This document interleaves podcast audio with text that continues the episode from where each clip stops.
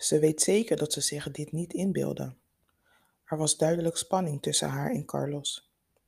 Donna voelde het voor het eerst toen Carlos zich persoonlijk kwam voorstellen. Hij hield zowel haar blik als haar hand langer vast dan nodig. En toen hij achter haar kwam staan om te laten zien met welke techniek ze het best het deeg kon kneden, wist ze het zeker. Hij wilde haar en zij hem ook. Ze had de jaloerse blikken van de andere deelnemers gevoeld, maar zich er niets van aangetrokken. Zo kon het ook niet helpen dat Carlos viel op een goed geklede vrouw met mooie rondingen. Donna drukt op de vergrendelknop van de afstandsbediening van haar auto en loopt terug naar de bakkerij, vastberaden, maar enigszins nerveus.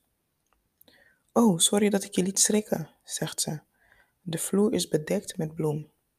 Carlos kijkt haar enigszins verward aan en vraagt zich af waarom ze is teruggekomen. Ben je iets vergeten? vraagt hij. Ja, vertel ik je zo. Laat me je eerst helpen dit op te ruimen. Heb je ergens iets van een bezem? vraagt Donna. Ze bekijkt de ravage en de gemorste bloem bedekt bijna de gehele vloer waar ze net de workshop is gegeven. Ze kijkt op naar Carlos en ziet nog net hoe hij naar haar kijkt. Ze vermoedt dat hij haar aantrekkelijk vindt, zegt hij lachend tegen Donna. Met een bezem en veger en blik loopt hij terug naar het plaatsdelict en overhandigt de bezem aan Donna. Ze veegt alle bloemen bij elkaar op en met een blik vangt Carlos alles zoveel mogelijk op om het in de afvalemmer te gooien. Jeetje, dit is echt veel bloem. Nogmaals sorry, zegt Donna lachend met haar hand voor haar mond. Ze schaamt zich een beetje dat Carlos door haar toedoen zoveel meel heeft laten vallen, maar tegelijkertijd ziet ze er ook de humor van in. Ja, ik wilde alvast het een en ander klaarzetten voor morgenochtend, zodat ik dan direct kan beginnen met broodbakken, zegt Carlos en er verschijnt een lach rond zijn mond. Donna kijkt hem aan in zijn groene ogen en moet blozen. Ze voelt zich enorm tot hem aangetrokken, misschien nog wel meer omdat hij helemaal onder het bloem zit. Zou hij ook voelen dat er iets speelt tussen hen? Carlos komt haar kant op gelopen en beide hurken neer bij het laatste beetje bij elkaar geveegde meel.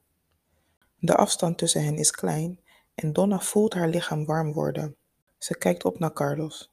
Even staren ze elkaar aan en dan leunt hij voorover om haar te zoenen. Donna steunt met haar hand in de bloem op de vloer om haar evenwicht te bewaren en beantwoordt zijn kus. Na enkele seconden komen ze overeind en Carlos trekt haar top uit. Haar volle borsten staan pronkend rechtop in haar BH. Hij ontbloot haar borsten en zuigt zachtjes aan haar tepels. Ondertussen maakt Donna met een veeg het werkblad leeg en Carlos tilt haar er bovenop.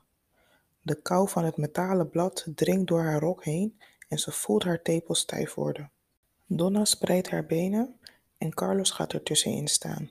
Met een handige beweging maakt hij zijn schort los en trekt zijn shirt over zijn hoofd.